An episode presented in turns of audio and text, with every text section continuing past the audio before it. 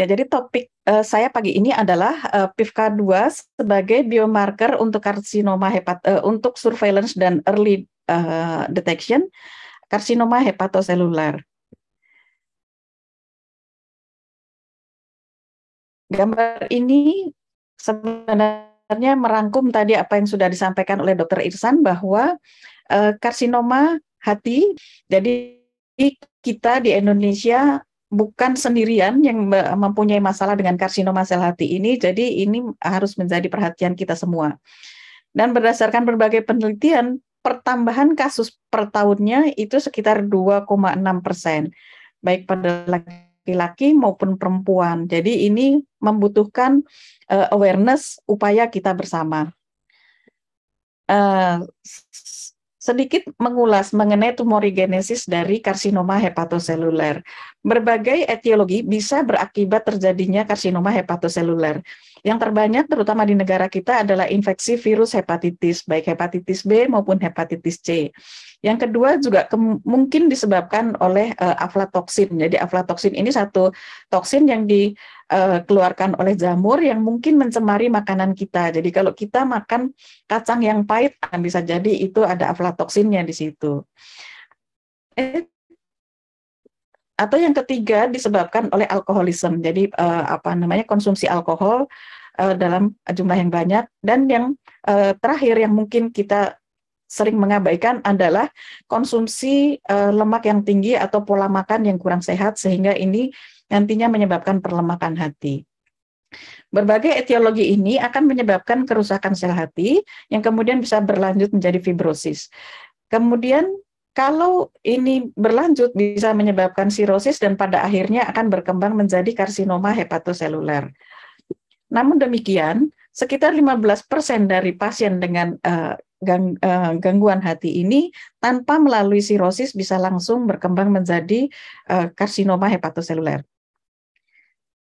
Nah, tadi dari uh, sebagaimana sudah dipresentasikan oleh Dr. Irsan bahwa karsinoma hepatoseluler ini merupakan penyebab kematian yang cukup bermakna di seluruh dunia dan ini juga disebut sebagai silent killer. Kenapa? Karena diam-diam dia menyebabkan kematian. Selain itu juga karena pada tahap awal kebanyakan pasien asimptomatik seperti kasus yang tadi disebutkan uh, dipresentasikan oleh Dr. Irsan dan kebanyakan pasien datang berobat pada stadium yang sudah lanjut. Padahal kalau pasien datang di stadium uh, dini itu survival rate-nya jauh lebih tinggi dibandingkan kalau pasien sudah uh, stadium uh, lanjut. Karena itu diperlukan tadi surveillance merupakan istilah yang beberapa kali tadi disebutkan oleh Dr. Irsan. Sebenarnya apa sih bedanya antara screening dan surveillance? Tadi juga sudah disinggung-singgung sedikit oleh Dr. Irsan. Kita lihat di sini. Jadi saya pinjam ini slide-nya dari Ross yang uh, cukup informatif. Jadi saya uh, kutip di sini. Screening adalah suatu usaha untuk kita memilih populasi tertentu yang kita akan tindak lanjuti dengan pemeriksaan lanjutan atau akan kita terapi. Jadi ini screening itu merupakan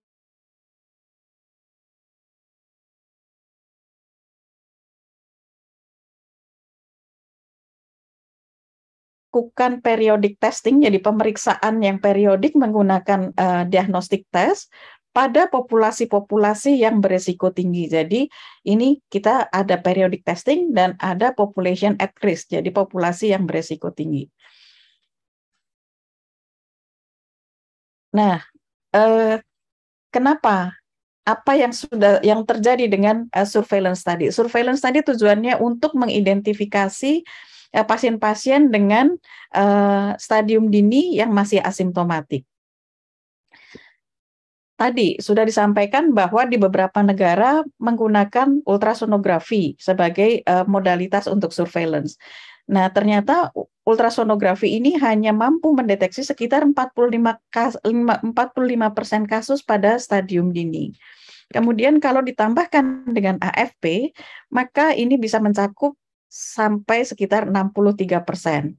Tetapi masih ada 40 persen lainnya yang masih miss apakah ini bisa kita cover dengan eh, penambahan biomarker baru? Nah, ini yang eh, kita bersama perlu mempelajari.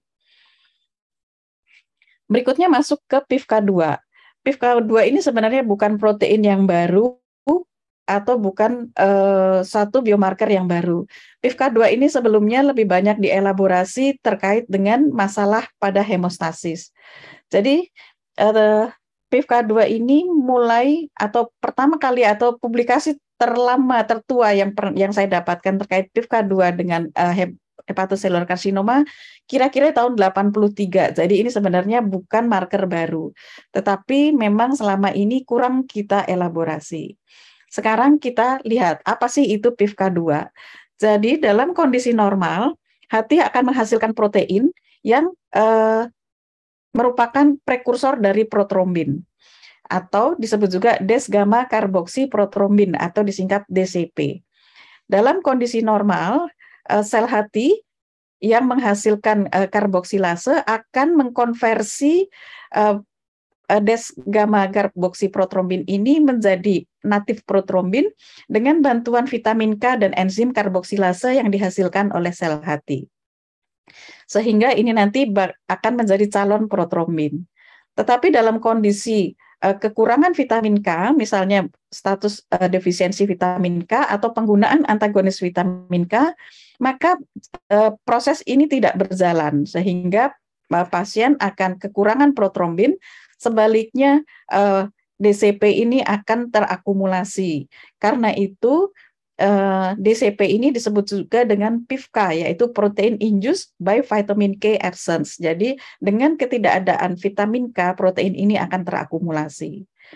Tetapi demikian juga halnya pada hepatocellular karsinoma. Jadi karsinoma sel hati primer yang benar-benar terkena pada hepatocellular karsinoma, maka pada keadaan itu akan terjadi gangguan sintesis enzim karboksilasenya sehingga konversi dari uh, glutamin menjadi um, alf, uh, gamma gamma karboksi glutamic acid ini juga tidak terjadi sehingga PIVK2-nya juga terakumulasi.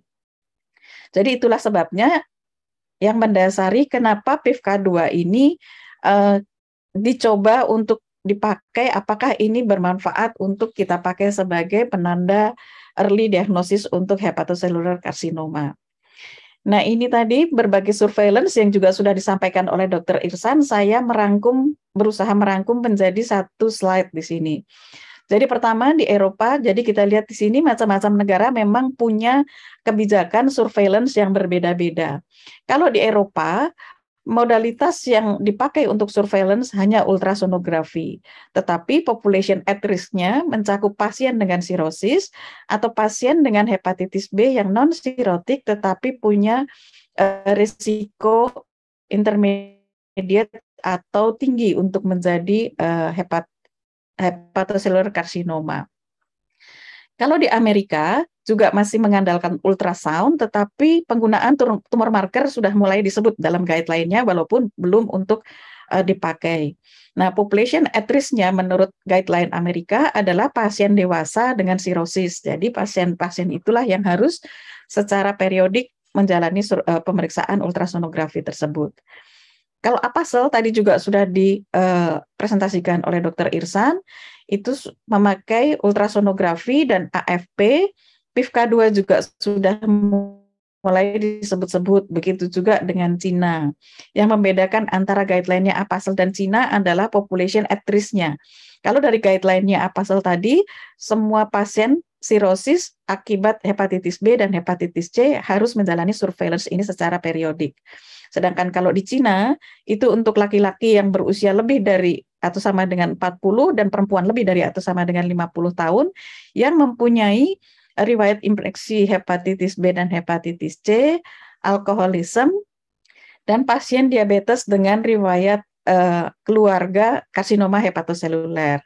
Sedangkan di Jepang, ini tadi sudah disampaikan juga oleh Dr. Irsan bahwa Jepang sangat ketat dalam uh, strategi surveillance-nya jadi sudah menambahkan PIVK2 sebagai uh, marker untuk surveillance dan uh, population at risk-nya pasien dengan sirosis dan pasien dengan infeksi hepatitis B dan hepatitis C yang kronik. Nah, sekarang kita lihat bagaimana sih fungsi PIVK sebagai prediktor untuk terjadinya uh, karsinoma hepatoseluler atau sebagai marker dini yang bisa dipakai untuk surveillance. Jadi ini salah satu penelitian di Cina. Uh, saya mohon Bapak Ibu perhatian sedikit mengenai angka yang dipakai di sini, angka cut off-nya dan satuannya. Karena ini nanti akan saya bahas di belakang, ini dari segi laboratorium menjadi satu hal yang patut atau perlu kita cermati. Jadi pada penelitian Yu dan kawan-kawan ini, mereka melihat atau mereka uh, mengumpulkan pasien yang memiliki kadar kurang dari 200 MAO per mili dan yang lebih. Kemudian pasien ini diikuti selama uh, uh, beberapa beberapa lama. Nah, ternyata dalam perkembangannya pasien yang memiliki uh, PIFKA kurang dari 200 insidensnya untuk menjadi karsinoma hepatoseluler hanya sekitar 46 persen. Sedangkan pasien-pasien dengan kadar PIFK yang lebih dari 200 ternyata uh, kejadian hepatocellular karsinomanya cukup tinggi selama uh, periode follow up.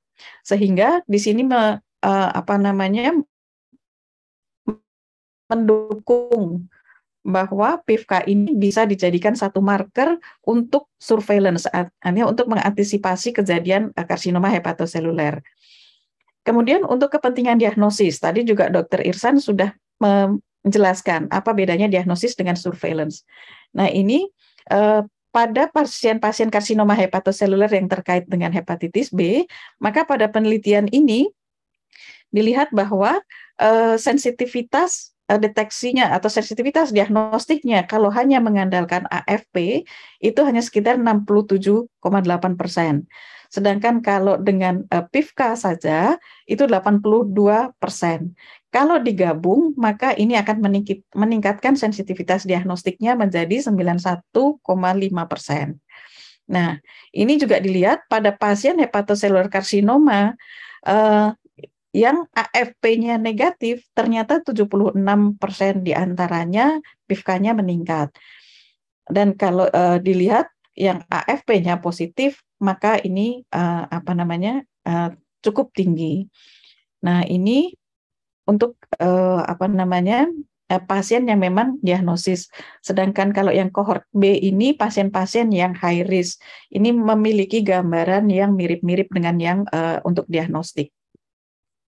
Jadi di sini ditunjukkan bahwa Uh, kalau kombinasi AFP dengan PIVK ini akan meningkatkan sensitivitas diagnostik yang cukup bermakna untuk uh, diagnosis karsinoma hepatoseluler. Nah, ini juga uh, penelitian yang lain ini juga menggambarkan bahwa uh, pada karsinoma hepatoseluler dengan sirosis dibandingkan dengan sirosis saja, maka ini performancenya uh, PIVK lebih baik daripada AFP saja, tetapi secara gabungan ini uh, lebih baik. Jadi ini um, diambil dari kohort A, kohort B. Kemudian yang ini pada pasien-pasien yang AFP negatif. Jadi pada AFP negatif ternyata uh, sensitivitas dan spesifitas PIVK untuk membedakan antara uh, karsinoma hepatoseluler dengan sirosis dibandingkan dengan pasien sirosis saja tanpa karsinoma hepatoseluler ternyata juga cukup baik hasilnya. Nah, ini uh, satu penelitian meta-analisis yang melihat korelasi antara uh, bukan korelasi, jadi kemampuan PIVK untuk mendeteksi uh, tumor dihubungkan dengan ukuran tumornya. Jadi kalau tumornya kecil, kurang dari 3 cm, maka sensitivitas dan spesifisitasnya PIVK uh, hampir sama dengan AFP. Sedangkan kalau di sini disease out ratio-nya untuk PIVK lebih tinggi dan uh, area under the curve-nya juga lebih tinggi untuk PIVK. Sedangkan kalau untuk tumor yang besar, ini spesifisitasnya lebih baik PIVK dibandingkan AFP, uh, disease out ratio-nya juga lebih tinggi dan uh, AUC-nya juga lebih tinggi. Jadi ini juga uh, menunjukkan bahwa kalau dipakai secara single, secara sendiri-sendiri, maka uh, PIVK memiliki uh, kapasitas yang lebih baik daripada AFP saja. Nah, kemudian kalau kita lihat uh, beberapa kondisi uh, kelainan hati lainnya. Jadi ini pada kondisi-kondisi berbagai kelainan hati uh, yang non karsinoma. Jadi pada pasien-pasien sirosis, uh, infeksi hepatitis B, hepatitis C kronik, semuanya ini menunjukkan PIVK-nya yang tidak tinggi. Sedangkan kalau pada pasien-pasien karsinoma uh, hepatoseluler uh, ini pada pasien dengan sirosis maka PIVK-nya tinggi, demikian juga yang ber, uh, berhubungan dengan infeksi hepatitis B dan ini karena sebab uh, lainnya. Jadi ini menunjukkan bahwa uh, PIVK cukup cancer spesifik untuk uh, dipakai sebagai penanda.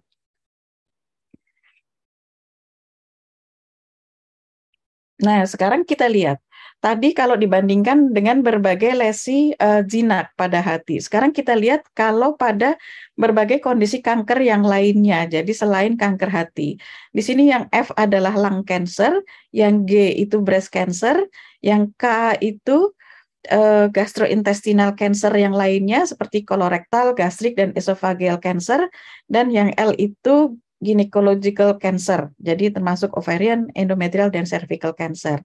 Ternyata PIVK ini uh, cukup tinggi secara bermakna uh, pada ini kolangiokarsinoma dan pankreatik cancer. Jadi ini juga uh, salah satu yang kita uh, harus waspadai bahwa walaupun uh, PIVK itu satu kondisi yang cancer spesifik dari yang tadi, tetapi ini tidak tisu spesifik. Jadi harus juga hati-hati di uh, apa namanya perlu dipikirkan juga kemungkinan ada kelainan keganasan yang lainnya.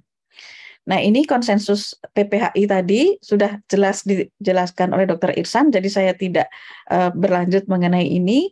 Ini ada angka yang agak salah saya kutip, mungkin 20 MAU yang lebih tepat itu ya.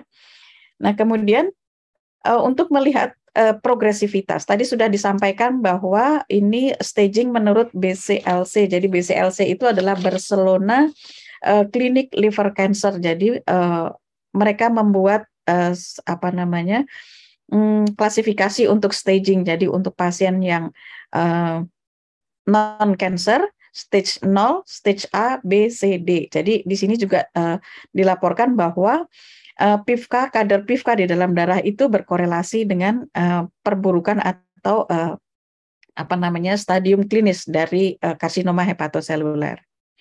Nah, kemudian ternyata PIVK ini juga berperan dalam eh, patogenesis progresivitas dari karsinoma hepatoseluler melalui beberapa jalur yang sudah diketahui oleh para peneliti. Yang pertama melalui jalur EGFR yang berlanjut nanti menjadi MMP. Ini uh, meta mielo metaloproteinase ini akan mempermudah sel kanker itu untuk hepas, hep, metastasis. Sedangkan melalui uh, jalur yang kedua, jalur JAKSTAT, ini uh, PIVK2 berperan dalam meningkatkan proliferasi dari sel kankernya. Dan yang ketiga, melalui jalur MAPK ini dan uh, bantuan dengan uh, growth factor yang lain, maka ini akan meningkatkan kapasitas angiogenesisnya. Sehingga gabungan dari ketiga sifat ini, maka PIVK2 ternyata dia pro untuk progresivitas uh, hepatoseluler karsinoma ini.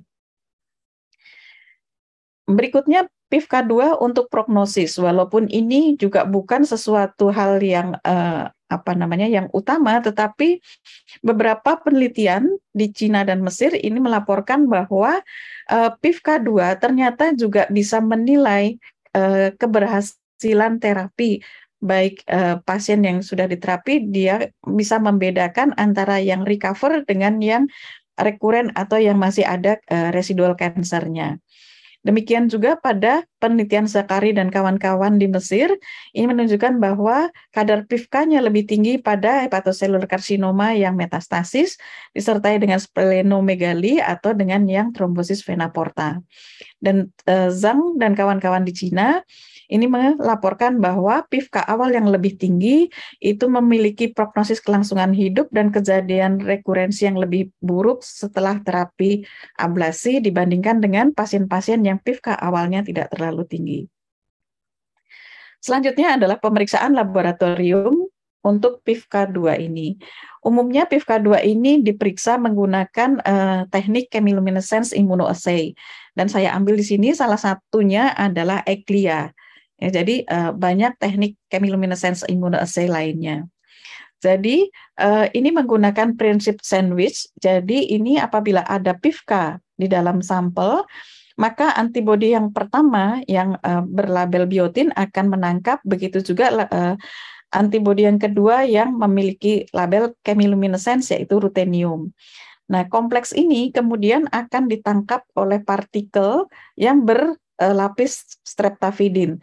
Streptafidin ini adalah uh, apa namanya ligan utama atau ya ligan utamanya dengan biotin karena itu dia akan uh, menangkap biotin yang ada di kompleks ini.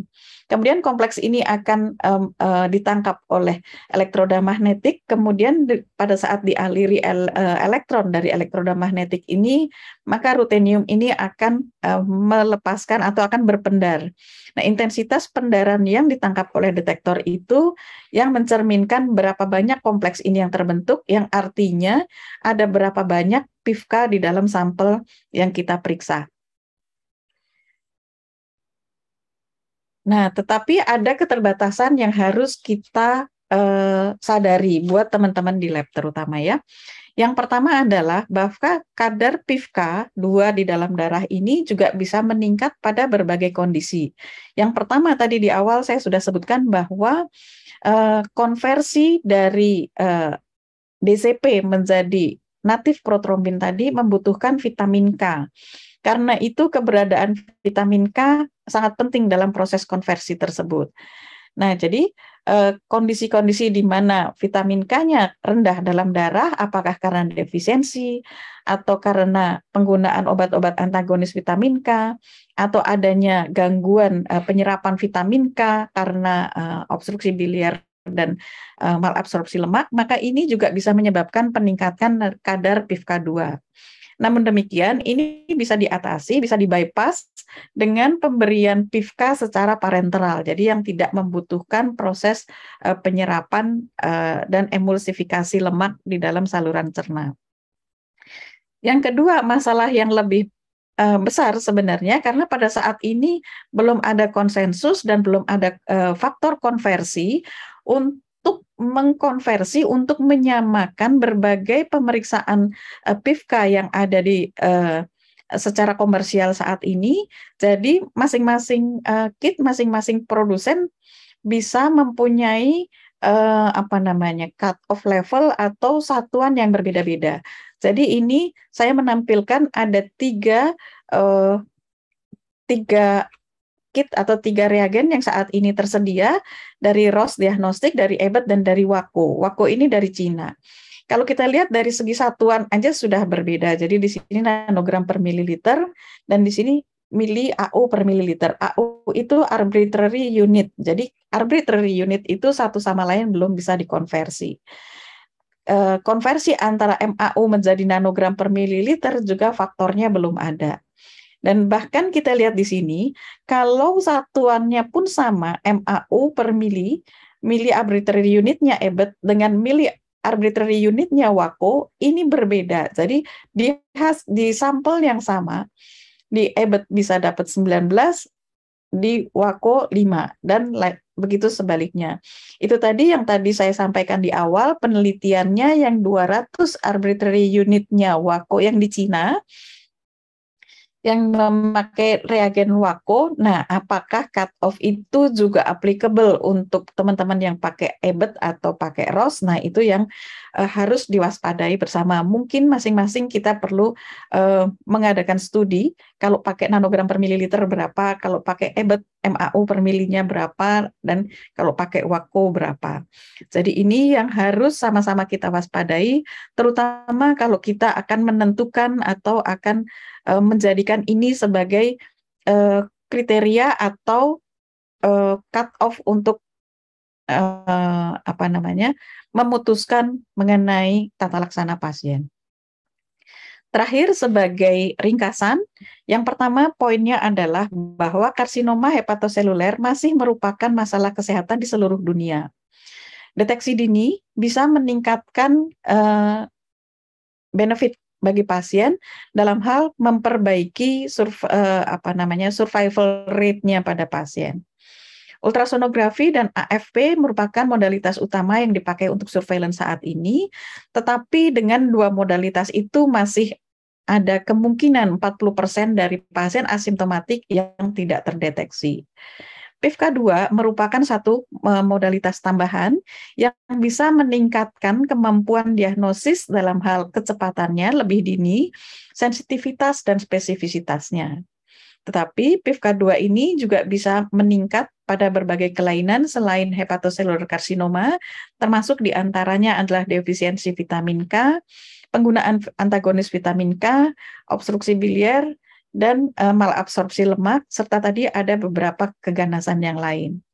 Selain itu juga harus sangat berhati-hati pada saat kita pakai uh, pemeriksaan PIVK2 ini untuk diimplementasikan kepada pasien, apalagi kalau kita bergonta-ganti uh, apa namanya uh, modalitas pemeriksaan karena belum ada konsensus dan konversi dari PIVK2 unit ini, satuan PIVK2, di antara kits dan reagensia yang saat ini tersedia. Ini saya slide saya yang terakhir. Terima kasih. Mudah-mudahan kita sama-sama bisa belajar di sini. Terima kasih. Saya kembalikan kepada Dr. Yusuf.